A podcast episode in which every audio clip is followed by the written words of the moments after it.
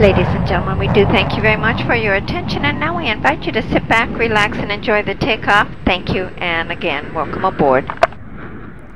Nou, Stef, welkom in, uh, in onze podcast. Dankjewel. En uh, vandaag ga ik jou uh, interviewen. Jee. Want er stond gisteren zomaar wat in de krant. Ja, beroemd. Heel beroemd in één keer. en het over allemaal, allemaal ja, een beetje oude koeien eigenlijk, van heel vroeger. heb jij ruzie gekregen met de EBU. Ja. En ik was wel benieuwd hoe dat, hoe dat zo een beetje kwam. De Unie van Europese Omroep, inderdaad. Ja, ja. en um, um, neem ons even een beetje mee terug naar wanneer dat begonnen is. Dat, dat verhaal met de EBU bedoel je? Nee, nog daarvoor, zeg maar. Jullie hebben, uh, want uh, in principe is het, nou, dat kantartikel kan je lezen. Um, maar het komt erop neer dat er een uh, stukje intellectueel eigendom op straat ligt dankzij hun. En ja. dat ze een deel van het platform gepoogd hebben na te bouwen van wat wij hier hebben. Um, en ik, ik vroeg me een beetje af van wanneer is dat begonnen, dat, uh, dat met, met uh, uh, EBU en wat het eigenlijk precies is. En, want neem ons even terug naar die tijd. Want, welk, tijd, welk jaar was het? ik denk dat wij in 2013 echt met multiseries zijn begonnen. Dus heel lang geleden, zeven jaar geleden. Ja, maar in 2009 hebben we al een platform gebouwd dat meerdere infrastructuren aan elkaar kon knopen. Dat heette Video Exchange. Ja. is de basis van ons huidige platform nog steeds. Mm -hmm. Wel doorontwikkeld en, en, gemoderniseerd natuurlijk. Maar ja. in 2009 hebben we dat gebouwd. En daar is het fundament gelegd voor, uh, voor wat wij noemen integrated multiserien. Integrated. En wat is dan het verschil met de andere CDN-terminologie?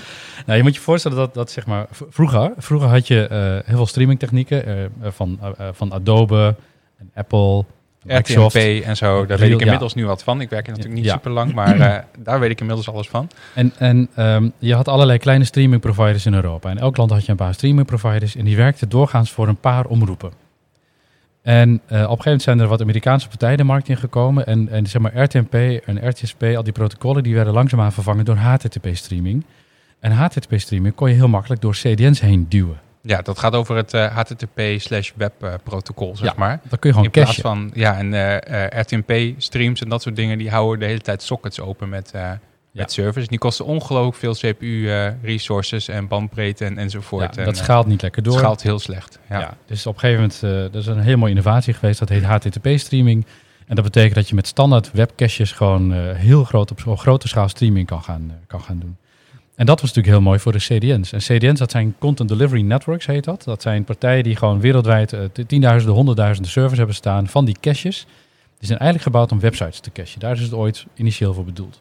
Ja, voor als jij je website opvraagt uh, in de Europese Unie, maar het is een Amerikaanse website, dan duurt dat lang voordat de plaatjes er zijn. En uh, dan komen die vaak van zo'n CD, CD, CDN. Dat is het achterliggende. Ja, zo'n CDN uh, zorgt ervoor dat die site niet uh, de hele oceaan over hoeft, maar dat het dus lokaal gecached wordt. En dus niet alleen dat het dichtbij staat, waardoor het sneller laat, maar dat er ook veel meer mensen tegelijk uh, op kunnen. Ja, meer capaciteit. Ja. En, maar goed, ineens konden die CDN's dus ook streamingverkeer gaan doen. En de meeste van die CDN's zijn Amerikaanse partijen, dus diep gefund. Die hebben ook daar overinvesteringen mee kunnen doen. En die hebben daarmee vrij agressief de Europese markt betreden. Ja, want zijn er nog Europese spelers over? Want dit is wat, wat ze doen hè, in de Verenigde Staten. Gewoon heel groot opblazen. Ja. En dan... Uh, uh, relatief weinig. Je had toen per land in Europa had je wel twee, drie, vier uh, streaming providers. ik denk niet dat die nog bestaan. De meeste is gewoon, gewoon van de radar verdwenen. Ja. Want de Amerikanen die hebben dus gewoon met vrij diepe zakken hebben ze gewoon, zijn ze die markt opgestormd. En dan zijn ze met, ja, gewoon, zijn ze prijzenoorlog begonnen onderling. En prijsdumping mag niet, maar ja, het is wel gebeurd. Dus op, mm -hmm. op een gegeven moment zijn ze zelfs onder hun kostprijs gewoon maar gaan dumpen, dumpen, dumpen. En als een omroep op een gegeven moment ziet van, ja, wacht even, ik zit met mijn lokale provider en dat kost me zoveel, uh, 10.000 euro per maand of uh, zelfs miljoenen, hè, dat gaat om grote aantallen mm -hmm. uh, verkeer. Um, uh, en die, die kosten die stijgen, want het verkeer stijgt. Maar mensen willen graag online kijken, dus die kosten die stegen de pan uit. Ja, de bitrate ging omhoog omdat je hogere beeldkwaliteit wil ja, en, dus, uh, enzovoort. Dus, ja. dus, dus, meer kijkers, langere kijkduur, hogere kwaliteit. Dus die kosten die race de pan uit. En uh, ja, als een Amerikaanse partij dan zegt, ja, we kunnen het voor de helft van de prijs, dan, ja, dan is het vrij makkelijk voor zo'n omroep om te zeggen, ja, sorry jongens, ik ga hier weg. En de meeste van die kleine streaming providers, die werkten dus voor één of twee omroepen. Ja, als je eentje kwijtraakt, dan is het al einde oefening. Dan is het al heel moeilijk. Nog uh, dus, uh, kop over water. Er zijn heel veel zijn daardoor kapot gemaakt. En soms kun je zeggen, ja, misschien is dat wel marktwerking. Uh, ja, het is marktwerking als dat zeg maar fair level playing ground is. Maar dat was dit niet. Want je had gewoon een, een grote agressieve boost van de Amerikanen die gewoon wam die, die markt al, probeerden over te nemen. Ja, en dat komt omdat zij daar, eh, zij, zij zien die wereld, wereldwijde business wat anders dan wij. Eh, wij, wij proberen zeg maar wat sneller eh, eh, winst te maken. En zij proberen vooral heel snel op te schalen en te kijken wat er dan nog over is van de markt. En ja, dan het is eh, een soort Ja. roofstrategie. hè? Je, je, je, je, je, je, je ramt het land binnen, je gaat die prijs dumpen, je trekt al je klanten naar je toe. En dan hoop je dat je nog zoveel geld hebt dat je overleeft. Of je wordt gekocht omdat je groot bent. Of je hebt je klanten allemaal binnen en de concurrenten kapot en dan kun je prijs omhoog gooien. Dat is ja, een of je hebt de hele markt stuk en je bent zelf ook stuk. Maar ja, goed, dat maakt jou dat dan nog uit. Ja, want je hebt funding gehad en eh, dat doen we Ja, dus volgende eh, dan gaan we met het volgende Ja, project dus dat is, dat, ja. Maar goed, dat is, dat is, dat is- Europa is er anders in. En ik, ik zou willen dat Europa daar wat slimmer in was. Wij hebben ook wel gezocht naar funding in het verleden. Dat hebben we gewoon ook niet echt kunnen vinden. Nee. Ook niet heel erg eh, actief eh, zelf ook natuurlijk mee bezig gaan. Omdat wij gewoon altijd winstgevend waren en ik wilde zijn. En ik wilde ook zelf aan het stuur blijven zitten. Ja. Ook fijn. Ja, ja, ja, zeker. Want je Eh, geeft natuurlijk behoorlijk wat op hè, als je funding gaat, gaat ophalen. Ja, want wij hebben ook wel diepte-investeringen gedaan. Die waarschijnlijk een funder had gezegd, dat gaan we niet doen. En die hebben we wel nodig gehad. En hebben we ook heel veel succes mee gehad. Achter, achter, achter, achter, achter, eh, achteraf was dat, was dat een goede call. En Ja. ik, denk dat het voor een... eh, Ja, eh, wij, wij leven nog. Ja. Wij bestaan nog. We zijn dus niet kapot gemaakt door funders. We zijn niet kapot gemaakt door die partijen. We zijn ook niet afhankelijk van een paar klanten, want we hebben juist heel veel klanten in Europa zitten. En dus die, die risico's zijn gespreid. Dus wij, wij waren een van de survivors. Dat vond ik wel heel cool en stoer. Mhm. En, ehm, maar goed, ons risico was dat we dan ook zeg maar gesqueezed zouden worden tussen die Amerikaanse leveranciers. Want er is een prijzenoorlog gaan. We hebben één keer onze prijzen heel hard omlaag moeten schroeven. Om te voorkomen dat klanten natuurlijk gewoon weg zouden lopen. En dat was toen de traffic nog eh, door eh, onszelf werd afgehandeld. Ja, dat doen we nog steeds voor een deel natuurlijk. Ja. Maar de, ehm eh, we mo- moeten zeggen, de, die, ehm, de, de meeste van onze klanten waren super loyaal. Hè? En die wilden ook helemaal niet weg. Maar op een gegeven moment, als je dan gewoon ja, de, je helft van je kosten kan besparen, dan wordt het gewoon heel interessant. Dus wij moesten gewoon met onze prijs omlaag. Maar dat kun je niet jaar op jaar op jaar doen. Dan houdt het gewoon op. Dus dan moet je of een ander verdienmodel zoeken, of de stekker eruit trekken, of een andere strategie kiezen. Ja, en dat laatste is wat, wat er eh heeft Wat hebben we gedaan? Ja, want in 2009 hebben we dus het fundament gelegd voor wat wij noemen Video Exchange. En dat is een platform. Nou, je, kijk, je moet je voorstellen, vroeger zaten streaming klanten zaten gewoon op een gedeeld servertje of op een dedicated server. De streaming hosting was, de- was destijds gewoon shared hosting of dedicated hosting, zeg En dat is vroeger met eh internetsites. Had je Ja, dat gewoon websites, gewoon Ja. je hebt een servertje of je deelt in een rekje ergens? Ja. Maar dat schaalt natuurlijk niet op. Hè? Als jij ineens 100.000 kijkers hebt, hoe, ja, hoe moet je dat dan opschalen? Dus dat, dat Video Exchange platform, dat trok zeg maar alle intelligentie los van die servers. Daar zat dan de load balancing in, de player, de analytics, de afscherming. Alle intelligentie zat in die, die slimme laag, zeg maar. En de domme laag waren gewoon de streaming servers. Gewoon de, de caches en Ja. de, de origin servers, zeg maar. En wij waren volgens mij een van de eerste in de markt die dat eh, op die manier innoveerde. En het grappige is dat zo'n server hoefde niet een fysieke machine te zijn of een gedeelde machine. Dat kon een logische resource eh, waar dan ook ter wereld zijn. Gewoon een cache, een virtuele machine, een fysieke machine of een cluster van machines. Of een hele cloud of een heel CDN. Ja. Dus bijvoorbeeld Akamai, wat wereldwijd weet ik veel, honderdduizenden servers heeft, doet zich in ons systeem voor alsof het één logisch servertje is. Eh, twee, hè? Twee vinkjes. Eh, twee vinkjes, ja. Ja, want we hebben een, eh, een global en we hebben een eh, Euro, Euro, Ja, Europese versie. We hebben Europa, Azië, Amerika en Global. Oh ja, Maar in ja. principe gebruiken we eigenlijk allemaal Global, maar we kunnen dus geografisch wat, wat, wat tunen, zeg maar, als we dat willen. ja, als we dat zouden... eh, ja. Als we dat zouden willen. Voor sommige klanten doen we dat. Hè? Van bijvoorbeeld Akamai dan in Azië inzetten en Cloudfront in Europa. En dan- als we het willen scheiden, dan doen we dat. En Ja. meestal is het gewoon global vinkje. Vaak eh, global, regelt maar, soms kun je prijs en performance optimaliseren door het Ja. wat, wat slimmer in te richten. Dat kunnen wij. Maar goed, ehm eh, in in 2009 hebben we dat platform gebouwd. En eh, we hebben nog een uitstapje gemaakt een tijdje. Want toen kwamen ook de telecom operators op. Die zeiden wij willen ook CDN's gaan bouwen. Ehm, want eh, ja, het is uiteindelijk goedkoper om dat verkeer niet via Amerikaanse partijen te hebben. Maar gewoon dat de omroepen rechtstreeks bij telecom operators inkopen. Dus die, die telecom operators wilden zelf CDN's bouwen voor hun eigen videoverkeer, voor hun televisiediensten. Maar dus ook wholesale, dus zodat omroepen ook daar gebruik van konden maken. En ons systeem is gekocht in die tijd, met name tussen 2010 en 2015, door allerlei telecom operators, om eh, met elkaar een platform wereldwijd aan te bieden dat zou con- concurreren met een global CDN. Dan heb je dus zeg maar een KPN plus een Vodafone plus een, noem maar wat, een, eh, T-Mobile, Deutsche Telekom. Precies. Ja. Alles, eh, die hebben allemaal hun eigen infrastructuren. En als omroep hoef je alleen maar het de, die signaal naar ons platform te sturen. En wij zorgen ervoor automatisch dat het bij die netwerk van die partijen terechtkomt. Dat noemden ze CDN Federation. Ja. En het ging zelfs verder. eh, dat het idee was dat ook Cisco, dat een hele slechte oplossing had, allemaal hardware, echt dure, dure racks vol machines. Allemaal van die pizzadozen met heel veel schijven erin. voor Hartstikke heel duur. duur. Ja. Terwijl wij gewoon eh, Dell eh, servertjes gebruikten en, en daar meer performance uit trokken. En ook nog een slimme laag erbovenop hadden, dat hadden zij ook niet. Maar ook Alcatel, die had ook zo'n oplossing. En het idee was dat, dat we zeg maar onze API's open zouden gooien en de boel aan elkaar zouden knopen. Maar het kwam er gewoon op neer dat Alcatel Cisco probeerden al hun intellectuele eigendom in die standaard, waar bij het IETF zaten, dan zeg maar, dat daarin te duwen. En nou, op een gegeven moment is het eigenlijk, dit is kansloos, die CDN's willen er helemaal niet in mee. De telcos zijn niet verenigd, dus daar wordt niks. Dus we hebben toen in 2013 gezegd van, hoe ziet die markt van, van, van CDN er nou uit? Dus, dus je moet je voorstellen, op dat moment werken de meeste omroepen voor hun live en televisie eh, streams, radio, tv en ook hun filmpjes met, met één CDN. Ja, zij eh, configureren zeg maar één zo'n CD, CD, CDN. Ja. En via die route vragen ze dan hun video of wat dan ook op. Ja. En dat CDN haalt het weer bij hun op en dan kan je daar groter op schalen. Dat Ja. is dan hoe die Dus, keten een eh, beetje in elkaar Ja, zit. dus je hebt als omroep heb je een Ja. Origin server staan. Daar staan al je video's en al je streams op. En Ja. de CDN's die trekken het vanaf. En de kijkers kijken in feite op het CDN. Dat, als kijker zie je dat niet. Je hebt gewoon een videoplayer. Je kijkt gewoon bij een eh, omroep. Maar onder de water zit daar gewoon een heel groot serverpark van zo'n CDN tussen. Ja.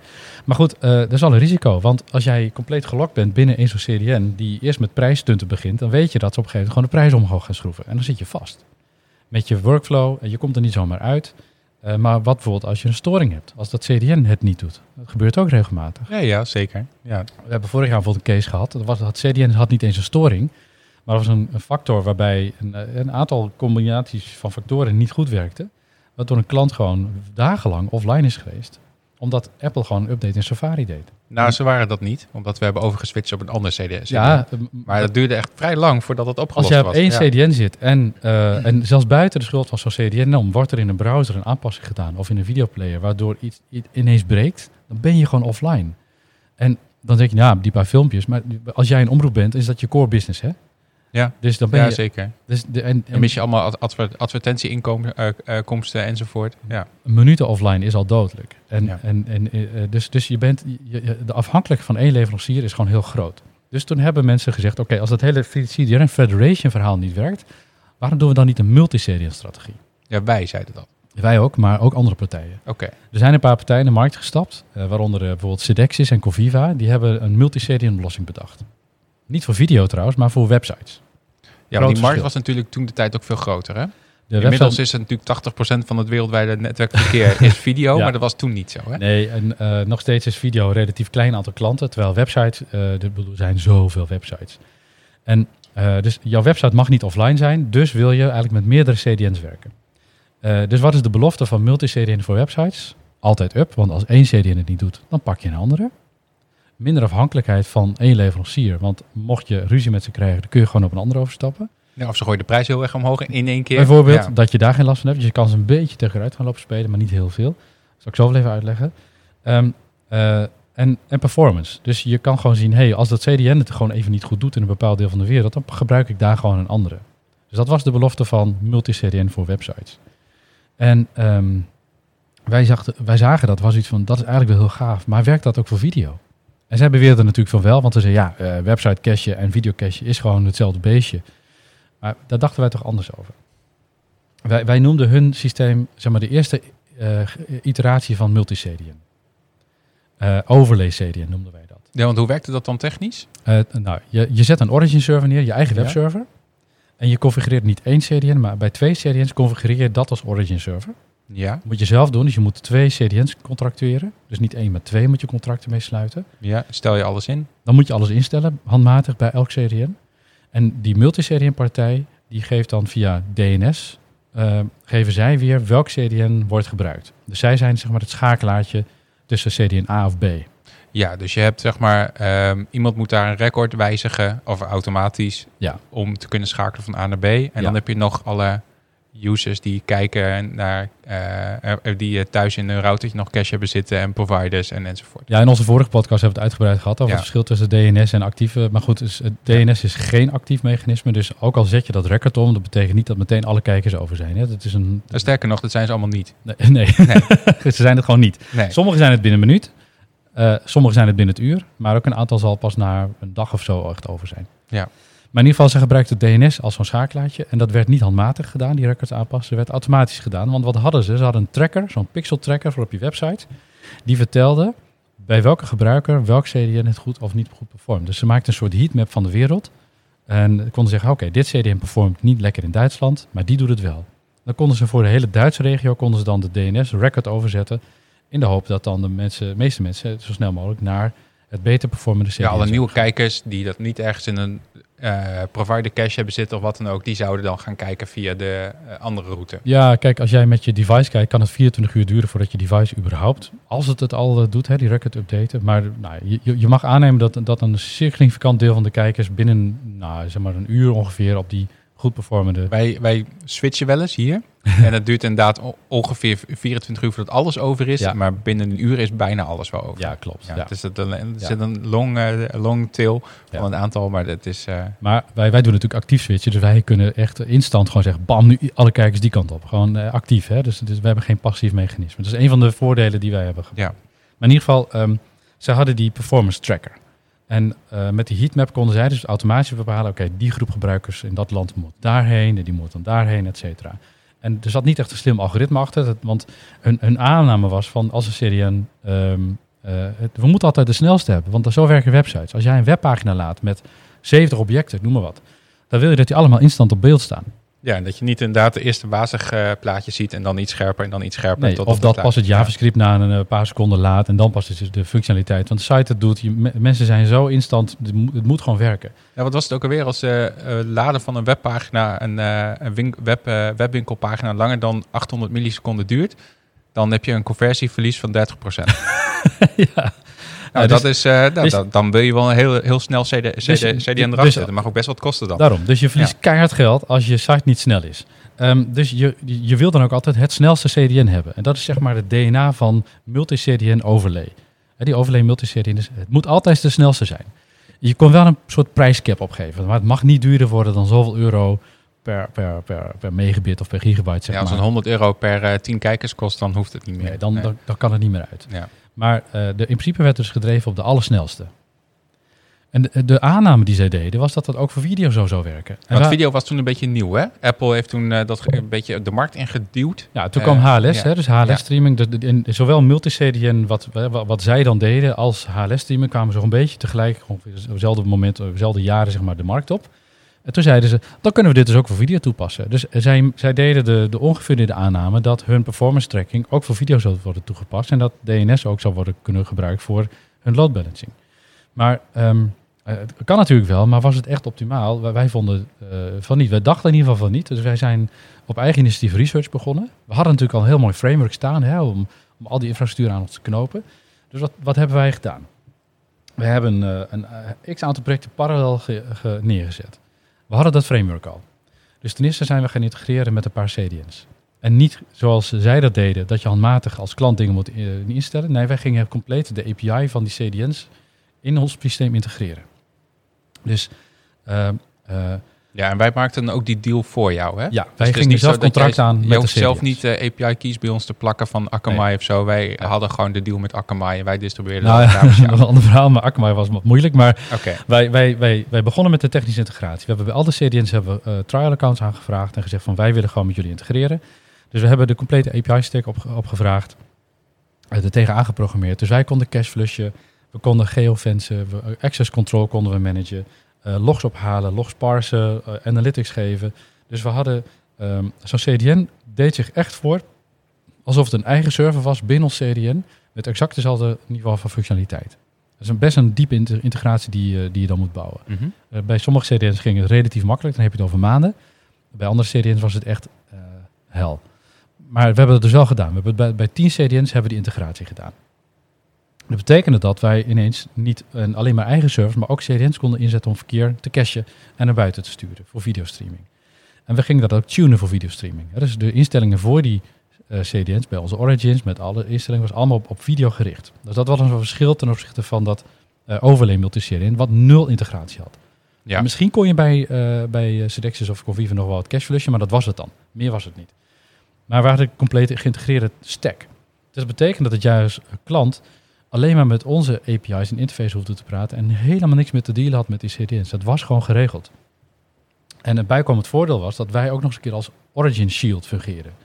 Als je namelijk meerdere CDN's instelt, dan gaan ze ook allemaal met hun edges of hun tussencaches bij jouw Origin verkeer opvragen. Ja, want sommige van die CD, CD, CD, CDN's die hebben een soort van ringen. Ja. Dus eh, de eerste ring, tweede ring, derde ring. En, maar sommige ook niet. Nee. Dus die komen dan inderdaad eh, met hun buitenste ring eh, de edges eh, rechtstreeks op jouw origin om Ja. al die content daar vandaan te halen. kan er nog steeds duizenden zijn. kunnen heel veel zijn. Ja. dat betekent dat je nog steeds een heel groot serverpark neer moet zetten om überhaupt die CDN's te kunnen feeden met jouw verkeer. Ja. Maar wij hadden een tussenlaag erin zitten. Dat is de, dat is de origin shielding. Dat betekent dat je met een heel simpel servertje gewoon miljoenen, miljoenen, miljoenen kijkers aan kon. Omdat wij dat verkeer van die CDN's bovenop elkaar konden stapelen. En eh, dat verkeer zelf dus cashte ertussen. Mhm. Dus wij deden bij jou één aanvraag, of misschien twee. Dat was het. En dat, ja, dit, volgens mij, eh, eh, sterker nog, je levert het bij ons aan. kan. Dus je levert het op de meeste klanten. En het was toen volgens Ja. mij ook al zo. Dus we krijgen hem twee keer binnen. Voor het geval, just in case, er één uitvalt. Daar hebben we het vorige keer al over gehad. Eh, en als je dat doet, zeg maar, is dat de load die jij hebt. Eh, je mag je video's bij ons neerzetten, dan heb je nul load op je eigen platform. Ja, Je kan je streams naar ons toe sturen, dan heb je één of twee streams naar ons toe en dat is het. En als, je, als we het van jou moeten afhalen, dan is het één of twee keer dat we het ophalen en dat is het. ja, meestal twee keer. Zag Dat, ik. dat, ja. dat, dat scheelt in je eigen infrastructuur en je verbinding al een enorme investering. Eh, en dat, eh, dat was al een voordeel. Maar alleen al het feit dat je niet met elk CDN een contract aan moest gaan. En eh, wij konden ook betere contracten aangaan, omdat we volumedeals konden sluiten. Om, in plaats van jou als klant in je eentje, zeg maar. Dus we hadden ook al betere prijzen dan dat je rechtstreeks naar zo'n CDN moest gaan. Ook heel veel CDN's hebben een soort minimale instap. Je moet minstens zoveel omzet meebrengen, willen ze je aansluiten als klant. ja, want ze zitten ook niet op te wachten om vervolgens een jaar met jou eh, te gaan engineeren om de boel aan elkaar te knopen voor een paar euro. Dat, ook dat nog. Heel veel klanten die met streaming bezig zijn, hebben altijd hele specifieke workflow wensen. En wij waren juist heel goed in dat te automatiseren. Dus wij konden heel veel verschillende workflows al op het platform aan, terwijl die CDN's daar heel zwaar op moesten investeren. En dat Mhm. hoefde dus ook niet meer. Dus de winst voor de CDN was ook nog eens een keer dat ze heel veel kleine klanten ineens konden servicen tegen nul kosten, want het was allemaal voor zich geautomatiseerd door ons. Ja. Dus dat was win-win voor iedereen. Dat was hartstikke mooi. Nou, daarnaast hebben we nog een aantal andere innovaties erop gezet. Eh, we, we hadden natuurlijk al actieve load balancing, dus geen DNS, maar actieve load balancing. Daar hebben we een nieuw algoritme aan toegevoegd. Maar voordat we dat algoritme konden maken, hebben we dus eerst een eigen Analytics eh, Performance Analyzer gemaakt. En die heet Flight Tracker. En Flight Tracker zijn twee engines. ja, We hebben botjes, dat zijn agents over de hele wereld. En die, die halen permanent streams op. En die vertellen ons hoe goed de CDN's performen. Dat betekent dat wij dus geen trackers hoeven te plaatsen in de players bij de kijker. Eh, sowieso, een pixel in de website zegt niks over hoe een video performt. Maar dat hoefden we ook niet te weten. Wij hadden zelf al een, een heatmap van hoe CDN's performen. En toen wij die data gingen analyseren, toen kwamen we heel, iets heel, eh, interessants tegen. Wij, ehm, wij, wij maakten chunks van 10 seconden van, eh, van video's destijds. En we kwamen erachter dat die chunks bij elk CDN wereldwijd onder de seconde binnenkwamen. Dus 10 speed. ja tienvoudige snelheid. Want de Ja. is 10 seconden het- en het is in een seconde binnen. Ja. Dus ruim, ruimschoots op tijd. Sterker nog, in heel veel delen van de wereld kwam het op al 50 speed binnen. Dus in, in 0,2 seconden was gewoon een, een, een vi- een video van 10 seconden binnen. Ik denk, ja, dan, dan, dan overperform je eigenlijk in plaats van underperform. En dat was een, eh, best wel een doorbraak inzicht. Eh, dat was data die, die andere partijen niet konden meten met een pixel op de website. Maar wij konden dat dus wel zien. En, eh, maar als jij een video als kijker binnenkrijgt op 50 speed, dus zeg maar je hebt een videorecorder en je drukt eh, op eh, heel veel speed afspelen, dan komen die chunks dus altijd op hoogste kwaliteit binnen. Mhm. Dan hoef je niet de snelste leverancier te pakken. Dan kun je gewoon elke leverancier pakken als hij maar snel genoeg is. Ja, dat is onze threshold. En volgens mij staat hij op vijf keer. Tegenwoordig. ja. ja. Ja. zo van als het vijfvoudig snelheid binnenkomt, dan is het, eh, steeds goed genoeg. Is het nog up. En Ja. als het dan niet meer zo is, dan gaan we het verkeer aan de andere kant op Ja, sturen. dus we hebben het op de kop gezet. Dus waar zeg maar, de aanname in de website-industrie was van je moet zo snel mogelijk, je moet altijd de snelste hebben. Wat wij- logisch is. Wat Ja. logisch is voor websites. Zij, zij kwamen wij erachter voor video's precies omgekeerd. Je, je, moet, je moet niet de langzaamste nemen, maar je moet de partij nemen die snel genoeg is. Dus good enough, zeiden wij. Dat is, eh, wat, wat goed genoeg is, is ook goed genoeg voor de kijker, is ook goed genoeg voor de omroep. Ja. Ehm, of die video nou op 5 speed binnenkomt, of 10 speed of 50 speed, die kijker heeft gewoon een goede ervaring. De beste ervaring, de optimale ervaring. Nee, beter kan het niet. Het kan niet beter. Waarom zou je daar extra geld voor neerleggen om het nog sneller te Waarom zou je dan een duurdere partij nemen? Waarom zou je er van die CDN's verwachten dat ze nog meer performance gaan bieden? Dat is helemaal niet nodig. Als we maar die minimale threshold van die maximale kwaliteit eh, halen. Eh, Nou kun je natuurlijk zeggen, ja, twee speed is ook goed genoeg. Maar we hebben dus gezegd, nou, die, die threshold zetten we op vijf. Dan Het zitten we wordt wat spannend. Dat is het een eh, beetje. Ja. ja. Als het al daar twee keer gaat, dan is er misschien wel meer aan de Ja. hand. Dan start het misschien langzaam in. Maar we kunnen per klant die threshold gewoon instellen. Dus zeggen, nou, bij hun moet je het op 10 speed zetten. Bij, als, je klant, als je echt een premium klant wil hebben, dus die zegt, ik wil geen gezeik, het moet altijd, altijd werken. Nou, prima, dan zetten we de threshold op 20 speed. ja, we hebben joh, natuurlijk ook dat een wil. beetje marge meegenomen in. eh, we checken volgens mij een 1080p stream. Ja, Ehm, lekker dik. En als je een 8K stream gaat streamen, dan is het toch al aardig wat meer traffic. Ehm, Dus eh, om, om dat allemaal een beetje mee te nemen, zit het op vijf, vijf keer. Precies. Ja. Ja. en dan, dan komt dat echt wel goed. Ja. En, eh, maar goed, dat zet de wereld op zijn kop. Dan hoef je dus niet voor de snelste en de duurste te gaan. Dan kun je dus voor de goedkoopste gaan. Als die maar minimaal performt. Dus we hebben een algoritme geschreven. Dat noemden we het heel stoer het Jet AI. eh, Jet AI, zeg maar. Hè? Dus dat is een... Dat was Ja. nog voordat we TensorFlow en dat soort dingen daarmee associeerden. Ja. En dat algoritme, dat, ehm, dat, we hadden natuurlijk al een mooi eh load balancer algoritme. Hebben een aantal dingen aan toegevoegd. Eh, want hij checkt natuurlijk eh, of je erbij mag, hè, of je rechten hebt als kijker. Hij checkt je IP-adres, waar je zit. Dus wij, wij doen per kijker doen wij een proximity check van waar zit je eigenlijk en waar zit dan het best performende CDN bij jou in de buurt. En vervolgens hebben we gewoon een poeltje van CDN's, namelijk Akamai Level 3, eh, ik noem maar wat, eh, Lease, leaseweb, ik weet niet of dat Leaseweb, toen al was. Maar- eh, ja, ja. En, en, en, en gewoon een van die, we hebben al die tien partijen in de pool zitten. Nou, stel dat jij zit in Azië en ik noem maar wat, Cloudfront heeft in Azië even een storing van een paar minuten. Dan tikken we Cloudfront uit de pool. En kijkt daar gewoon niemand. Wij, wij, wij, wij sturen je namelijk nooit naar het CDN dat het niet doet. Nee, en dan een half uur later, als het wel weer doet, nou ja, Dan sturen we er wel weer heen. dan komen daar weer nieuwe kijkers Ja. op. En van alle partijen in die pool pakken we gewoon de goedkoopste. Dat is het algoritme. Ja, klinkt als een simpel algoritme. Ja, Maar goed, dat was toen. Maar, dat, maar goed, voordat je er bent, wij hadden Ja. eerst een veel complexer algoritme. Je moet je voorstellen, als je dit soort research trajecten ingaat, dan ben je eerst heel veel aan het onderzoeken en dingen uitpluizen en testen en dubbelchecken. Ik denk dat we eh, drie jaar over gedaan hebben om dit hele systeem zo in elkaar te zetten en te bouwen dat dat eh Ja, en te fine-tunen. Om te, oh, je moet ook een beetje achterkomen wat de goede parameters zijn. Hè? Ja, dus dus we hebben ook, eh, algoritme ook eens een keer helemaal herschreven. Gezegd, oké, we hebben nu veel te veel moeilijke, complexe dingen ingegooid. We kunnen het veel simpeler maken. Maar het komt er gewoon op neer. En dit hebben we dus altijd geheim gehouden. Dit hebben we echt in, in huis ontwikkeld. Eh, voor onszelf, maar ook om eh, in de markt mee op te kunnen. Met licensing, maar ook met diensten. Om het op deze manier te doen. Maar de doorbraak was dus dat we met dat algoritme op kosten konden gaan sturen. Ja, en Ja. toen, eh, want we moeten, we moeten ook een beetje door naar, de, naar, de, de- naar het hoofdonderwerp eigenlijk. Ehm, eh, toen, was er, toen kwam jij bij de Nederlandse pu- publieke omroep, bij de NPO. Ja, we hebben dit laten zien en gepitcht. En Ja. gezegd van, kijk eens wat wij hebben. En dat zei- ook in 2013 of was het nog later? Ehm, Ik weet het jaartal zo niet uit mijn hoofd. Oké. Het zal 2013, 2014 zijn geweest of zo. Nou, vroeger in ieder geval. vroeger. en, ehm, maar die waren wel onder de indruk. Hadden zoiets van, nou weet je, we willen wel een pilot gaan doen. En ze zeiden van, joh, maar weet je, wij, wij hebben natuurlijk onze eigen verbindingen, eigen serverparken. Maar we hebben af en toe wel CDN nodig voor pieken. En om bijvoorbeeld in eh, de, de, de Antillen ook verkeer af te leveren bijvoorbeeld. Dus we hebben wel CDN's nodig. Maar die prijzen zijn gewoon te hoog van die lui. En we krijgen ze niet echt goed omlaag. Ik zei, nou, nou, gaan we proberen. Dus eh, ik zei, welke van de CDN's heb je voorkeur voor? Ik heb hier tien, Eh, kies maar. Eh, toen feest die drie aan en ik zei, oké, gaan we die bellen. En eh, toen hebben we afspraken gemaakt met die CDN's en gezegd, luister, dit is ons systeem. En toen schrokken ze wel even, want ja, dat algoritme was natuurlijk best eh, Best handig. Voor ons. Ja. Maar het duwt een CDN natuurlijk wel aan een soort commodity eh, eh, systeem. Hè? Dus wij hadden ons ineens gepositioneerd van, van een partij die in de squeeze zat tussen de CDN's... naar een partij die er een paraplu overheen legde en ze tegen uit kon gaan spelen. En dat gingen we ook doen, maar dan wel op een faire manier. Wij zeiden, luister, jij krijgt een derde van het verkeer. De, de- deze omroep heeft voor jou de voorkeur uitgesproken. Maar eh, als je het niet wil, ook prima, dan gaan we gewoon naar een andere partij. Want we kunnen ze allemaal inzetten. Ze zijn allemaal op hetzelfde niveau, allemaal dezelfde eh, techniek. Ja, in principe zijn het allemaal gewoon een soort van pijp, eh, pijpleidingen. En ja. ja, welke het wordt, het maakt niet zoveel Nee, uit. Want ja, Precies. het is video en dat is toch wat minder moeilijk blijkbaar met, eh met band, eh, Ja. bandbreedte en snelheid dan dat eh, websites dat zijn. Ja, dus ik zei tegen ze van nou, dit is nu dus de nieuwe situatie. Ehm, eh, wij zijn gevraagd door de omroep om dit dus in te kopen. Eh, eh, hartstikke leuk. Eh, we willen het graag met jullie doen. Jullie hebben de voorkeurspositie. Ehm, dit, dit is hoe we het zouden willen gaan doen. Ehm, je krijgt een derde van het verkeer. En niet 100%. Want het is een multi-CDN-oplossing. En we gaan in principe een derde, van het, een derde van het verkeer gelijkmatig verdelen over elke partij. Ja, want dat wil de klant ook graag. Hè? Dat is wat de klant wil. Ja. Want we zitten ook in de test en we willen zien of, eh, eh, hoe, hoe, hoe dat gaat. We willen gewoon, eh, we willen gewoon kunnen testen.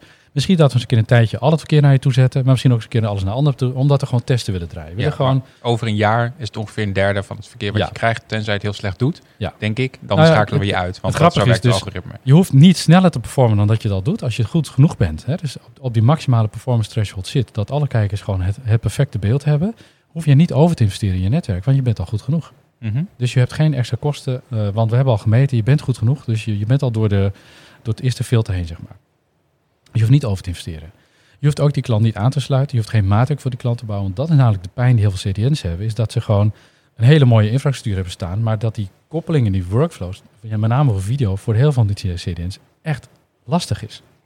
Eh Akamai is daar bijvoorbeeld heel goed in. Die is echt gespecialiseerd in video. Maar de meeste andere CDN's hebben dat nou, matig of, of, of brak zelfs Ja, soms. die doen het er een beetje bij, hè. Ja, het is niet hun eh, Ja. core business. Hè? Video is toch een beetje een moeilijk eh, specifiek ding. Nou, er is ook altijd veel moeilijkheden mee, hè. Dat is ook... eh, eh, het, het, het, het, het is niet... eh, het, eh, er zitten zo, zoveel schakels altijd in dat het Ja. best moeilijk is om erachter te komen waar dan wat aan de hand is. En wij Ja. zijn er inmiddels vrij handig mee om dat snel te Dat, dat achterhalen. zei ik dus ook. Wij zijn specialist. Dus wij, wij, wij, wij doen niks anders dan dagelijks gewoon klanten aansluiten en die, die, die use cases omzetten in goede custom workflows. En dat is gewoon, wij bouwen één feature set en dan kunnen al die klanten hun use cases opbouwen. Dus, die, dus daar zijn wij goed in. Dus Mhm. die ellende heb jij niet meer door te gaan, want wij kunnen nu gewoon klik, gewoon verkeer op je netwerk zetten en dan heb je gewoon die handel. Maar Ja. dat vertegenwoordigt ook een iets lagere prijs, want je hoeft dat allemaal niet te doen. Je hoeft die klant niet te supporten, die gaat niet lopen zeuren, die gaat niet klagen.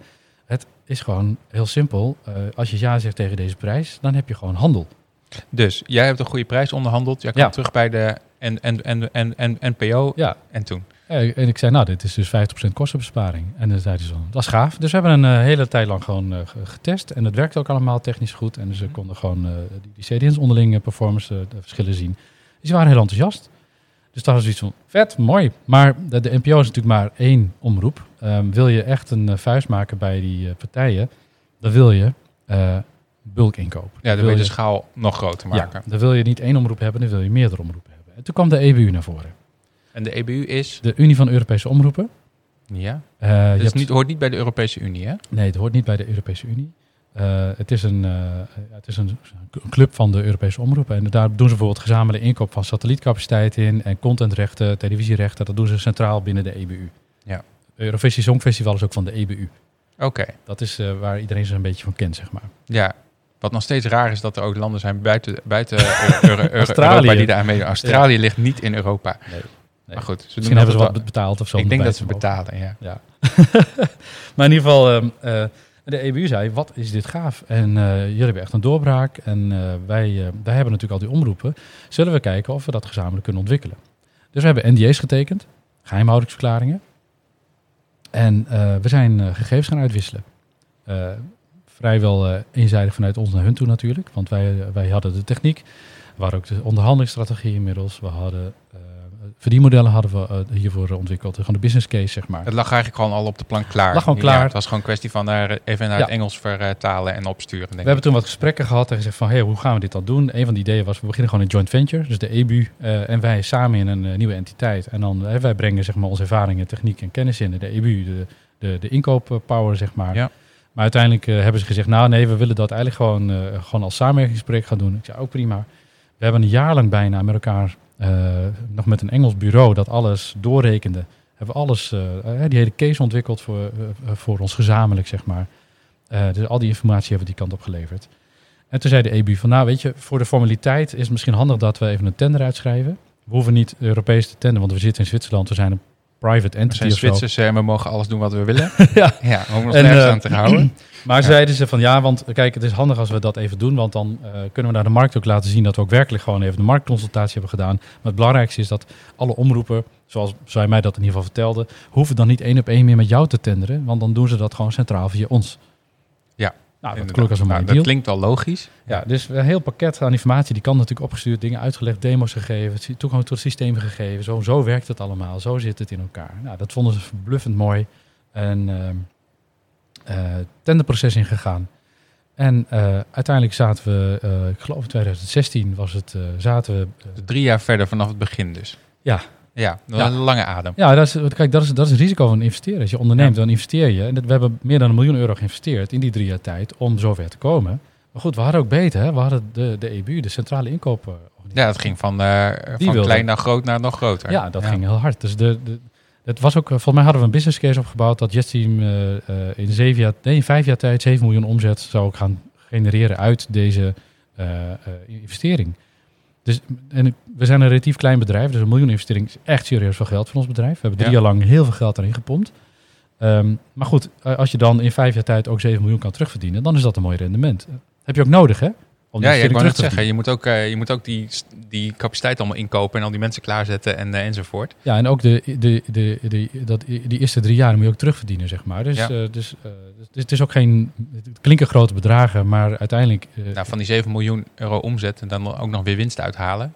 klopt. Dus Dat is nog weer het tweede natuurlijk. Het is geen, de, omzet is geen winst. Maar in ieder geval, dat was een mooie case. En dat, was, het zou ook een startcase zijn. Hè? Als het beter zou gaan, zou het meer worden en zou het groter en groter worden. Dus dat was onze doorbraak die we zouden kunnen gaan krijgen in Europa. En eh, alles stond op groen. Dus we, we hebben op een gegeven moment een meeting gehad. Eh, de, de EBU had natuurlijk een tender. En in zo'n tender heb je een eh, aantal stappen. Je hebt een, een tenderuitvraag. Die was natuurlijk al helemaal geschreven op ons, zeiden ze. Ja. Dat kon je ook wel teruglezen. Er zaten een aantal dingen van ik dacht, ja, dat kunnen ze op geen enkele andere manier weten dan dat eh, bij ons Vaak zo met tenders trouwens hoor. Ja. Ik heb eh, vrij Vond- vaak zo'n ding moeten invullen. En het, Vond eh, ik al- meestal zie je er wel aan af wie er eigenlijk de winnaar moet zijn. Ik vond het al wel Ja. gevaarlijk, want ik dacht van ja, weet je, nu gaat deze tender dus wel de markt op. En er zitten eigenlijk al dingen in die wij onder NDM met ze getekend hebben. Maar goed, weet je, je gaat op basis van vertrouwen zoiets van oké, we, we hebben al zo'n goede relatie met elkaar. We gaan dit gewoon doen. Het komt wel goed. Ehm, vervolgens heb je een, een, een, een fase met vragen stellen en je, moet indienen. En bij die indiening hebben we ook meteen gezegd, nou we verwerpen jullie inkoopvoorwaarden, want eh, dat is Zwitserland, dat vertrouwen we niet. Het moet onder onze voorwaarden, want we gaan Nederlandse dienst leveren. Vanuit Nederland moet onder onze voorwaarden. Hebben ze ook gezegd, dat is allemaal bespreekbaar, geen probleem. Dus eh, het zijn we ook doorheen gekomen. Vervolgens hebben we nog een meeting bij ze gehad, waarbij ze zeiden, ja, de tarieven liggen nog wat te hoog. Dus een onderhandelingsfase krijg je dan, dus een formele fase. Waarbij je gewoon het hebt over hoeveel euro kost dit, hoeveel euro kost dat. Eh, En dan ben je al door die puntentoekenningsfase heen? Of eh, nee, uiteindelijk krijg je een puntentoekenningsfase. En, eh, en toen, hebben we al, toen, toen hebben we een meeting gehad dus tijdens de IBC in Amsterdam. En toen zeiden ze, gefeliciteerd, want vandaag is de gunningsdag. Jullie hebben de deal gewonnen. Gefeliciteerd, Jetsteam. Jullie hebben, weet ik veel, 85, 90% punten. hoogste score. De, de runner-up heeft 60, 66% punten. Dus jullie hebben bij far hebben jullie gewoon het beste gescoord. Was ook geen verrassing, want ja, was natuurlijk al een jaar voorbereiding aan, eh, aan vooraf geweest. Dat zou ook een beetje raar zijn als dat niet zo was. Ja. Hoort eigenlijk niet zo bij een tender natuurlijk. Nee, hè? waarop het helemaal is gegaan, maar Ja. oké. Nou, het is geen Ja. Europese tender, maar Nee. dan nog. d- In ieder geval, toen werd ik, nou, mooi, we hebben de deal winnen. En dan kom je in een nieuwe fase terecht. En dat is de exclusieve fase, waarin je een aantal weken met elkaar de formaliteiten aftikt. Namelijk, oké, onder welk recht moet het? Wat zijn de betaaltermijnen? Dat soort futiliteiten, zeg maar. Ja. De, de, de kleine business dingetjes nog eventjes uh, Dat moest even afgetikt worden. Ja. En vervolgens komt er een contract en ga je met elkaar eh, werkelijk eh, gewoon door. Ehm, maar goed, we hadden dus al een mondelinge toezegging. Voor zover ik weet is een mondelinge toezegging is gewoon een toezegging, is gewoon een bindende overeenkomst. Ik weet niet hoe het in Zwitserland is, maar hier wel in ieder geval. Nou ja, nou, we zaten in Amsterdam. Ja. in Nederland is dat gewoon. En bovendien een man en man, de woord en woord. De volgende dag of zo, of de week daarop, werden we gebeld. Ja, het is nog een kink in de kabel, want de runner-up is teruggekomen. Die heeft gezegd dat, we het wel, dat ze het wel voor minder willen doen. Ja, maar ja, Ja, hoe zitten die punten dan? nou, we hebben ook gezegd, ja, wacht even. Je, hebt ze toch afgewezen met, met reden? Ja, nee, het is ook een formaliteit. eh, de- de- de- want we kunnen het technisch ook helemaal niet. eh, dat was dan Sedexis, bleek dat eh, geweest te zijn. De Dus Franse die, partij. die was teruggekomen. Dat zegt, Ja. we moeten en zouden deze deal hebben. Nou, achteraf hebben we gehoord dat ze gewoon in de verkoop waren. Dus die wilden natuurlijk heel graag aan die verkoper, aan die, aan die kopende partij laten zien van we hebben net deze deal binnengehaald. Dus dat was hun belang. We weten niet waarom de EBU uiteindelijk daarvoor gezwicht is, maar ehm, eh, ze hebben ons beloofd, het komt goed. We zijn ook werkelijk gewoon die fase ingegaan, die exclusieve fase, waarin we gewoon die punten gingen aftikken. Dus we hebben allemaal mails heen en weer gestuurd. Oké, misschien moeten we het zo doen, misschien moeten we het zo doen. Maar tot onze verbazing ging de EBU opnieuw onderhandelen. Die zeiden ja, we willen geen vijf jaar, we willen nog maar een jaar. Maar je moet wel al die incentives die je voor die vijf jaar hebt neergelegd, namelijk het doorontwikkelen van dat en het delen van eh, intellectueel eigendom voor dat, moet je op tafel leggen. Je moet voor ons ook de onderhandeling met de CDN's gaan doen. Dus de hele, dat hele fundament onder die, die onderhandelingsfase die we al gehad hadden, om die hele tender, werd gewoon weggeslagen. En we, toen had ik zoiets, ja, wacht even, dit, dit, dit, dit slaat nergens op. Dit gaat de verkeerde kant op. Ten eerste heb je al En- niet gehouden aan die exclusieve fase, want je bent alsnog met die tweede partij in gesprek gegaan. Wie weet ben je nog steeds met die twee in gesprek. Nou, dat bleek zo geweest te zijn. Ze hebben nog contact gehouden met die andere partij. En ze gingen gewoon de deal met ons frustreren. In de hoop dat wij zouden zeggen, ja, uh, doei, we lopen wel weg. Maar wij hebben natuurlijk gewoon vastgehouden en gezegd, nee, de onderhandelingsfase is geweest. We hebben de deal al, we gaan de formaliteit afhandelen. Nou, daar is uh, uh, wat gesprek over geweest met hun inkoper. En toen hoorden we niks meer. Een paar weken lang stilte. En ik neem aan dat jij er wel achter, achter achteraan ging. Natuurlijk. We hebben achteraan gebeld. Van jongens, wat is aan de hand? we hebben een deal, we moeten het nu formaliseren. Mm We waren al heel ver. Het is nu gewoon een paar punten aftikken en we kunnen los. Nou, het was, het was gewoon toegekend. De deal is toegekend. Ja. Uh, je moet er een paar, paar, punten op papier zetten. Maar ja, als je dan opnieuw gaat onderhandelen, dan breek je dus je eigen spelregels. Maar het, het was gewoon een frustratiepoging. Uh, en uh, dus uiteindelijk kregen we zomaar een briefje out of the blue van... oké, okay, je ligt eruit, doei. En toen hebben we nog gevraagd, hoezo dan? Ja, nee, jullie hebben op technisch niveau lagere punten scoren. Nou, dat staat haaks op wat je net gezegd hebt. Het staat helemaal nergens op. Dus was gewoon een smoes. Ik zei, nou, onderbouw dat maar. Nooit gezien. En toen heb ik een brief gestuurd van, uh, luister, dit uh, bevalt ons niet. We hebben een deal. Ik hou je eraan. En uh, dat vonden ze niet nodig, want ze gingen zich op een heel formeel punt zetten en zeggen, ja, de tender is pas toegekend als een handtekening onder een definitief contract staat. En die is niet gekomen nee, dat, dat heb je bewust lopen frustreren door opnieuw te gaan onderhandelen. En mm de, hele, hele fundament onder die samenwerking. Dat is een beetje het punt. Dat was het hele spelletje. Dat is het hele punt. Dus ja, dus, ja je, je, je, je onderbuit in feite nu zelf het probleem wat je veroorzaakt hebt. Je had gewoon tot een handtekening moeten komen met ons. En uh, ja, sindsdien was het gewoon uh, deuren dicht, geen communicatie meer. Dus de mensen waar we gewoon mee praten, die durfden niet meer met ons te praten. Dan denk je, joh, weet je, als je nog de ballen hebt om ons een beetje te naaien, heb dan ook de bal om gewoon met mij de confrontatie aan te gaan, een gesprek aan te gaan, een oplossing te vinden. Mm -hmm. Maar dat hebben ze niet gedaan. En toen heb ik uh, nog een call gehad met een uh, legal director. Want dat is, weet je, het is, vind ik wel typisch. Het is een beetje een soort semi-overheid. Op het moment dat het een beetje te heet onder de voeten wordt, dan, uh, dan duiken al die mensen weg. Dan zijn het ineens de woordvoerders en de legals, zeg maar, waar je mee moet praten. Dan krijg je zo'n muurtje, krijg je dan, ah, waar je tegenaan moet praten. Zo zielig. Ja. Echt zo sneu.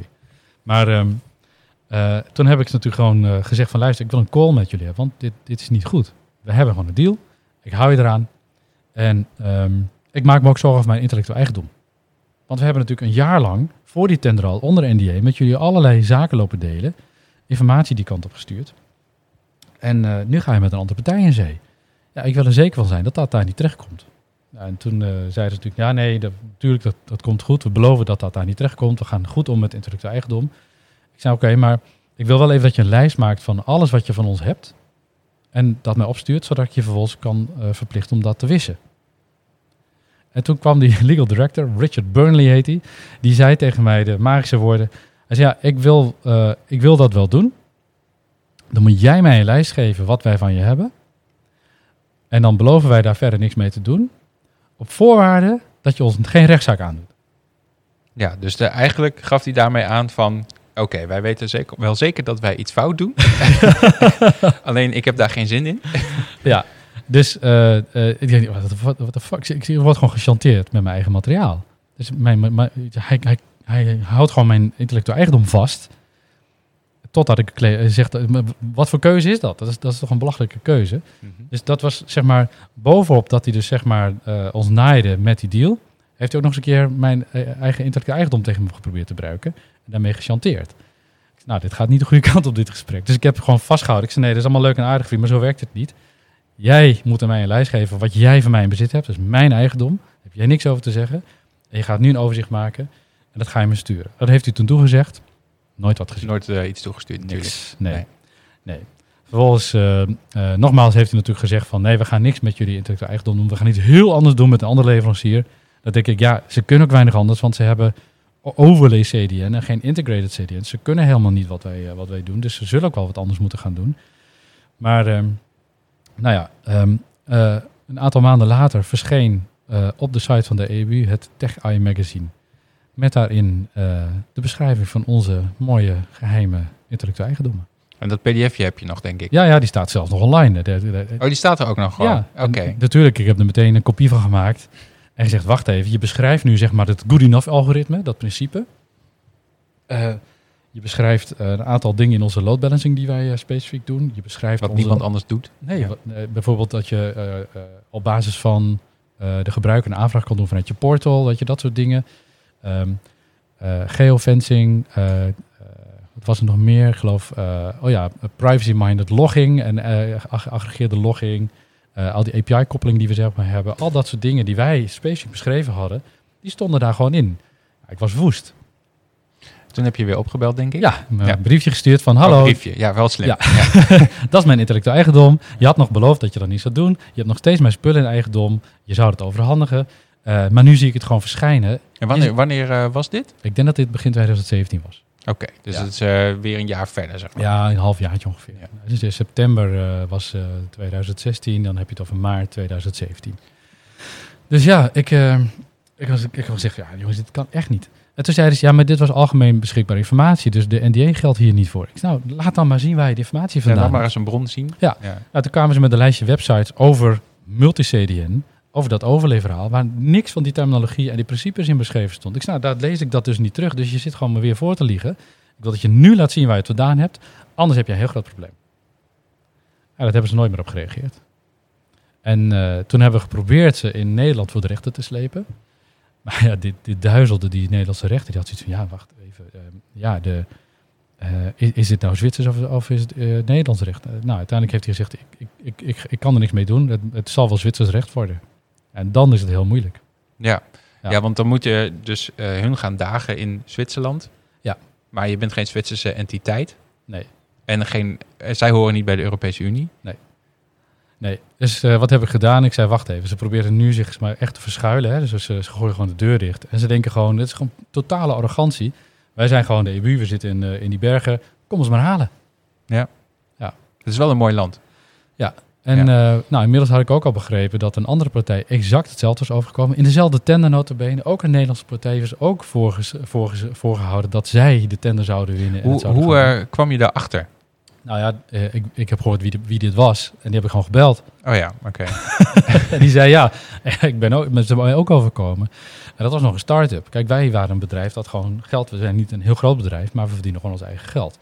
We hebben no- nooit schulden, nooit leningen, eigen geld op de bank. Gewoon elk jaar winst. Dus we draaien gewoon prima. Wij hebben dit overleefd. Maar als jij een start-up bent, ben je gewoon kapot. En zij zijn eraan onderdoor gegaan aan dit verhaal, of Eh, niet? mede hierdoor zijn zij er aan onderdoor gaan. Ja. Ja. dat vind ik echt schandalig. En dan, weet je, dan kun je nog... We hebben wel eens gedacht, nou misschien is het gewoon misgelopen. Misschien hebben we iets geks gezegd. We zijn natuurlijk een stelletje botte Nederlanders die misschien eens een keer iets bot zeggen. En dat zo'n Italiaanse inkoper daar eh, nogal emotioneel van wordt of zo. Waardoor het misschien mis is gelopen. Nou, dat vonden we al ver gezocht.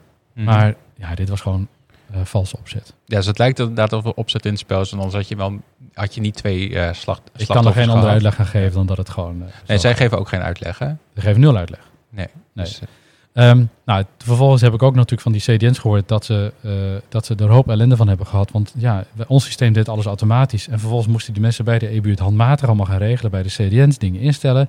Dat waren geen zij deed het specialisten. een beetje zoals vroeger. Gewoon een eh, paar servers in een rek schuiven. hand- met de hand alles even instellen. Ja, nou, in feite alles met de hand bij de CDN's gelopen instellen Ja. om de omroep. Want kijk, ze hebben de omroep natuurlijk een aantal dingen beloofd. Van jij gaat dit allemaal krijgen. Een mooi, mooi voor die en rocket die verhaal. prijs ook, denk ik. Voor die en die prijs. En vervolgens hebben ze ons systeem eruit geduwd, het zelf geprobeerd met een andere partij en konden ze het niet waarmaken. Dus die omroepen waren ontevreden van ja, dit werkt niet. Dus ze hebben nooit die grote omroepen mee kunnen krijgen. Ze hebben maar een relatief klein aantal omroepen mee kunnen krijgen het verhaal. Dus nooit de inkoopmassa kunnen organiseren.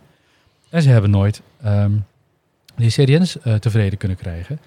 En uiteindelijk hebben ze het maar uitbesteed. Aan notabene weer een Nederlandse partij. Maar niet ons. Niet ons. Nee. Nee, dat snap ik ook wel, dat ze niet bij ons Nee, terugkomen. dat durfden ze niet. Nee, dat durven ze niet.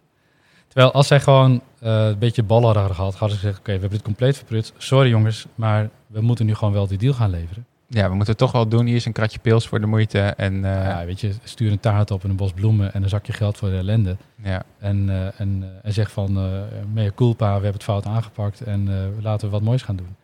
Maar ja, dat is natuurlijk een brug te ver nu. Ja, dat, nu kan dat niet meer. ik denk ook niet dat wij nog ooit voor de EBU willen werken. Ik, sowieso, ik snap niet dat mensen nog met ze in zee willen gaan. Het zijn gewoon onbetrouwbare lui. Gewoon, dit, dit is niet integer handelen. Nee. Dus ik, uh, ik heb ook de, de NPO gevraagd van, goh, weet je... Want um, die doen zaken met hun? Die, Ja. die zijn via hun gaan, eh gaan Die streamen? zit nog in dat poeltje van omroepen dat daar aan meedoet. Oké. Ja, dus ik heb ze geïnformeerd van jongens, dit is ons overkomen. En dat, is, eh, dat zit me zwaar op de maag. Maar ik zou jullie eigenlijk willen vragen om daar geen gebruik van te maken. Want er is niet integer gehandeld. En zolang je gebruik maakt van wat zij doen, steun je in feite dat, integer, dat niet integer handelen. En misschien kun je er beter neutraal in zijn en daar gewoon even mee stoppen. Totdat we dit conflict hebben opgelost. Ja. Nou, goed, dan krijg je ook eh Dan kijk, kom je daar in de politiek eh, dingen woordvoering. terecht. Krijg je ja. woordvoering. Woordvoering, ja. Ambtenaren, woordvoering. ja. Oh, oh, Ja, ja, oh. dan wordt het moeilijk. Ja. ja. Ja, nee, dat is protocol. Ja. Oké, en nu? Nou ja, en nu, kijk, het, het, goede nieuws is, we hebben het platform natuurlijk gewoon draaien. Dus wij werken voor onze klanten en die gebruiken met heel veel tevredenheid multiserie. Dus het werkt gewoon. We hebben het in de markt gezet, maar nooit op dat grote niveau. Wat er nu wel aan de hand is, dat al die omroepen nog steeds niet die grote kostenbesparing hebben kunnen realiseren. Er gaan nog steeds miljoenen euro's publiek geld in Europa naar de Verenigde Staten. Mhm. Eh, bovendien, privacy was toen ook een- al een eh, onderwerp van discussie. We willen al die data in Europa houden. En al die kijkgedraggegevens, maar ook de, ehm, zeg je dat? Niet alleen de, de gegevens van de kijkers zelf, maar ook zeg maar, je, ehm je kroonjuwelen als omroep, je kijkgedraggegevens. Die flikker je gewoon over die, eh, die, eh, die oceaan die kant op. Ja. ja, en je weet ook niet wat die Zwitsers ermee doen. Eh, Want die vallen ook niet onder het Europese recht. Hè? en, en, ze, en ze zijn niet heel cool, als ik dat zo een beetje hoor. ik weet het niet. Maar ehm, eh, het, het stomme is dat niemand er heeft, is iets mee opgeschoten. Nee. En nee, er zijn niet echt winnaars in dit verhaal. Hè? Nee, en ik, dat, dat neem ik de EBU gewoon kwalijk. Ze hadden zich gewoon aan de afspraken moeten houden. En eh, misschien hadden het ook met z'n allen verprutst. Dat kan ook, hè, dat het gewoon allemaal niet was geworden. Maar ja, dat denk ik niet. Ons systeem draait. We hebben er nu 100 klanten op zitten die multiserie gebruiken. En dat werkt gewoon. Ja, nee, maar we hadden ook, eh, eh, als het niet draait, dan ben je ook wel, omdat je capaciteitsissue hebt of zo, dan kan je vrij makkelijk opschalen. Meteen naar die CDN's toe. Ja, Ja. nee, maar ook zeg maar als je eh, eh, nog meer streams zou moeten gaan afhandelen, ik heb er natuurlijk intake service voor en dat soort dingen allemaal. Kun je natuurlijk makkelijk opschalen en Ja. makkelijk aantal kijkers opschalen. Nee, dus ik je- verwacht niet, ik, misschien dat je wat, wat hapering had gehad in het begin, als het toch wel Ja. wat, iets, iets wat meer traffic was Ja. als we hadden bedacht. Maar Ja, als je het hebt over de schade, is natuurlijk gewoon 1 miljoen eh, out of pocket gewoon eh, investering geweest die we gewoon kwijt zijn. Ehm, aan het hele proces. aan het proces. Ja. Eh, een deel daarvan hebben we natuurlijk gewoon zelf eh, in de markt een beetje verdiend met die klantjes die gebruik maken van ons multiserium platform. Eh, we kunnen zelf opschalen of offloaden. Dus, dus dat is niet helemaal weg die investering. Maar het heeft natuurlijk nooit het rendement opgebracht wat we wilden hebben. Want er zou 7 miljoen euro voor JetStream in de komende vijf jaar uit gaan vallen. Die hebben we nooit binnen gehad. Nee. En moet je je voorstellen met dat geld hoeveel innovaties en investeringen wij weer hadden kunnen doen om nog verder door te rammen. Dat is gewoon niet gebeurd. Het is gewoon doodzonde. Ehm, een van de plannen namelijk. Oh, trouwens, die 7 miljoen hebben we ooit ge- gefactureerd aan de EBU. hebben ze ook nooit al op gezegd. Oh, Dus die dat was een behoorlijke af, eh, afboeking dan voor ons dit, eh, van, van, van dat ja, jaar. dus die moeten ze nog even betalen. En de rente, eh, jongens, de, de- die, die rentefactuur komt er dit jaar ook nog bovenop. Dus, Oh ja. Maar ehm, eh, eh, eh, ja, dat, dat is gewoon zonde. Dus ja, en de omroepen hebben nog steeds niet eh, wat, eh, wat ze beloofd is. Die CDN's hebben die, eh, die, die, die, die slimme dingen niet gekregen. Dus ja, wat schieten we er met z'n allen mee op? Per saldo zijn we allemaal niet verder gekomen. Dus sinds 2013, toen het een beetje begon, tot en met de dag op... Nou, ja, we of- hebben- nee, Jawel, wij hebben er als Jetstream natuurlijk echt wel profijt van gehad. nee, wij, wij wel, maar die Ja. omroepen, Nee, niks. van die ene meeting toen tot Ja. aan de dag van, van vandaag, zijn, zijn, zijn nog eigenlijk geen steek verder. Publiek geld blijft gewoon weggaan. Ja. Ja, dus eh, ik ben benieuwd. Kijk, die andere partij die heeft gezegd, we gaan er geen rugbaarheid aan geven. We hebben gewoon ons verlies genomen, we gaan verder. Maar ik heb nog wel contact met ze, dus ik weet niet wat zij gaan doen. Ehm, eh, ik zou het eh, eh, vinden als een aantal partijen zouden zeggen... oké, we stoppen met in ieder geval dat EBU-verhaal. Want dat is gewoon niet zuiver gegaan. Het zou beter zijn als ze daar nu even gewoon on hold zouden zetten. Ehm, En alsnog zaken met ons gaan doen. nou ja, ik Dat weet niet. Kijk, natuurlijk. formeel kan ik ze gewoon aansprakelijk stellen. Zeggen van jij gebruikt gewoon een systeem wat gebruik maakt van, van onze inspanningen. Eh, of ik dat hard kan maken met de intellectuele eigendom, weet ik niet. Dat weet ik niet. Maar ik, ik wil dat niet hard spelen. Ik wil gewoon dat er gewoon eh, dat nu gewoon een, stap wordt gezet in die markt. Nou, ik denk dat als wij zo, zo, zoiets zouden hebben en bijvoorbeeld data distribueren via een CD, CD, CD, CDN die willens en wetens dingen doet waarvan wij dan denken, nou, dat kan echt niet. nee, dan stoppen we meteen Dan stoppen mee. wij daarmee. Ja, maar ik vind, het- is, kijk, sommige mensen die maken gewoon puur zakelijke afwegingen of persoonlijke afwegingen. Maar ik vind dat je ook integere afwegingen moet maken. Ja. En, Ja, vooral zij, Ja. met overheidsgeld. Nou, nee, maar goed, wij moeten zelf natuurlijk ook gewoon te integer handelen. Maar wat ik Ja. wel het meest gunnige vind, is dat we hebben hier gewoon eigenlijk gewoon pseudo-ambtenaren die gewoon van ons belastinggeld worden betaald, Ja, ons lopen te naaien en daarmee weg proberen te komen. En, wat, en we schieten er met z'n allen niks mee op. En er worden nog steeds miljoenen publiek geld worden gewoon naar Amerika gepompt. Nou, dankjewel ambtenaren. Ja, nou top. Zijn er ook nog positieve dingen waar we even willen, af, eh, afsluiten of niet? Nou, ik ben wel blij dat er eh, een artikel is eh, verschenen. Ja, dat is positief. Eh, ik heb ook ontzettend veel bijval gekregen. ja. Ehm, eh, eh, niet alleen online, maar gewoon ook gewoon mensen me bellen en gewoon zeggen. Er zijn ook een paar ondernemers die hebben mij benaderd. Die zeggen, ik zet eigenlijk ze- hetzelfde schuitje. Ook weer met zo'n pseudo-overheidsinstantie die me dat ook geflikt heeft. Dus het Ja. is niet geïsoleerd bij ons. Het is ook niet dat alleen de EBU dat flikt. Er zijn gewoon van die partijen die gewoon denken dat ze daarmee weg kunnen komen. Dat vind ik Ja. al, eh, vind ik en al dat kwalijk. lukt ook best wel vaak wel. Het mij, lukt hoor. zo ook, ja. Want Ja. kijk, heel veel, heel veel die on- ondernemers die zeggen van ja, ik heb geen zin in dat gedoe. Ik wil, de- ik wil niet in de pers met negatieve dingen staan. Nou, ze zijn heel vaak dat je, dat je ook nog wel andere business van zo'n overheidsinstelling krijgt. En dit Kan krijg je dan ook. ook niet meer. Hè? Ja, Als je echt dus moeilijk gaat doen, dan eh houdt het wel op. Kijk, jij hebt dan natuurlijk... eh, nou ja, wij hebben toen natuurlijk een beetje het voordeel gehad dat je verder niet af- af- afhankelijk van ze bent, waardoor je wel wat, wat durft. Ja. Maar als je ik- aan de maar andere goed, kant misschien ook, ook... dus eh, mijn karakter. Ik, ik, wil niet, ik laat niet graag zo over me heen lopen. Ik wil graag op basis van vertrouwen zaken doen. mhm. Eh, we maken goede afspraken, we tekenen NDA's, je doet alles netjes. Eh, als ze vinden dat we iets fout hebben gedaan, dan hadden ze dat eh, al eh, vier, vijf jaar lang kunnen zeggen. Ze hebben nooit wat daarover gezegd, dus ja, ons valt daar niks in te verwijten. Ja. Eh, en nogmaals, ik vind dat je op basis van de documenten die we hebben, hebben we gewoon netjes gehandeld. We hebben alles netjes onder de NDA's gedaan. Eh, maar goed, je kan ook gewoon keihard genaaid worden. Ja. En ik vind dat je daar wat van moet vinden. En hoe gaat het nu verder? Ehm, nou, we overwegen nog steeds juridische stappen tegen de EBU. Ja, en als we uitgezocht hebben hoe dat werkt. dan eh, gaan we dat gewoon maar doen. Ja. ja. Het, zou, eh, het zou ze sieren door gewoon nu zelf naar toe te komen en te zeggen... oké, fuck up gedaan, sorry. Hoe maken we dit goed? En hoe eh maken ze het goed? Dan mogen ze zelf een mooi voorstel Oké, voor doen. ik ben... Nou, we, we gaan het zien. de, de bal ligt bij hun, toch? Ze moeten gewoon eens een keer gewoon over de brug komen met een goed voorstel. Ja, het, het lijkt me ook, zeg maar, nu er ook wat media-aandacht over komt. En eh, nou, ook een beetje politieke aandacht zal ook wel komen. Ja, ik ben al benaderd door een aantal partijen. Dus, ja, dus dat, dat, dat zal ook wel eh, los eh, Het gaan lopen. grappige Dan, is, ik dan ben- komt er ben- toch nog meer druk. En dan, ja, ik, ik ben twee jaar geleden of zo ben ik hier ook mee naar Europa gestapt, naar de EU. En ik heb gezegd, jongens, wat dit kan toch niet? Wat hier Nee. gebeurt? Maar die zeiden van, toen waarschijnlijk, dit is Zwitserland. Nee, nee, Oh. nee. Dit, dat was heel mooi. Die, die, de man was head of eh, DG Connect of zo. Dat schijnt vrij hoog in de boom te zijn. Die gaat zeg maar over de Europese digitale markt. Oh, oké. En die heeft gezegd, ja, wacht even. Hier, hier is een ondernemer die heeft een gaaf plan om te zorgen dat Europa onafhankelijker wordt. Dat is distributie in eigen handen komt. Dat investeringen en innovaties hier gebeuren. En dan gaat die, en dan gaat die club gaat daar gewoon mee aan de haal en die verprutst dat. Dat is, dat is onbestaanbaar. Hij zei nog iets moois. Hij zei, dit is een Europese aangelegenheid. Het feit dat ze in Zwitserland zitten, onthoudt ze niet van de verplichting om zich gewoon naar de Europese regels te houden. Want dit zijn Europese omroepen. Het gaat om de Europese markt. Het gaat om een Europese leverancier. Alles hieraan is Europees. Want anders kan iedereen zich in Zwitserland vestigen. En zegt, ja doei. Zak er maar in. Dus dat, hij zegt dat het onbestaanbaar is. Ze moeten zich aan die regels houden. Maar ja, Ja. dwing ze maar eens. Ja, nou ja. Kijk, eh, ehm, eh, ik stop er in ieder geval niet mee. Als zij gewoon niet over de brug komen, ik, ik ga wel publiciteit blijven zoeken. En ik ga niet alleen de juridische kanalen zoeken. Ik vind ook publicitaire kanalen. Ik vind ook politieke kanalen. Dit hoort gewoon niet zo. Ze moeten zich gewoon netjes gedragen. Spannend. Ja. Dus eh, over een half jaar eh, deel 2. ik hoop het wel. Ja, Ja. we gaan het zien. Maar goed, verder positief nieuws. Ja, als je het wel positief wil afsluiten. We hebben natuurlijk gewoon het wel draaien. ja, dat, dat, er is niks mis met de technologie. Nee, nee dus eh, eh, als die omroepen alsnog eh, zaken willen komen doen, dan kan dat. en iemand anders ook.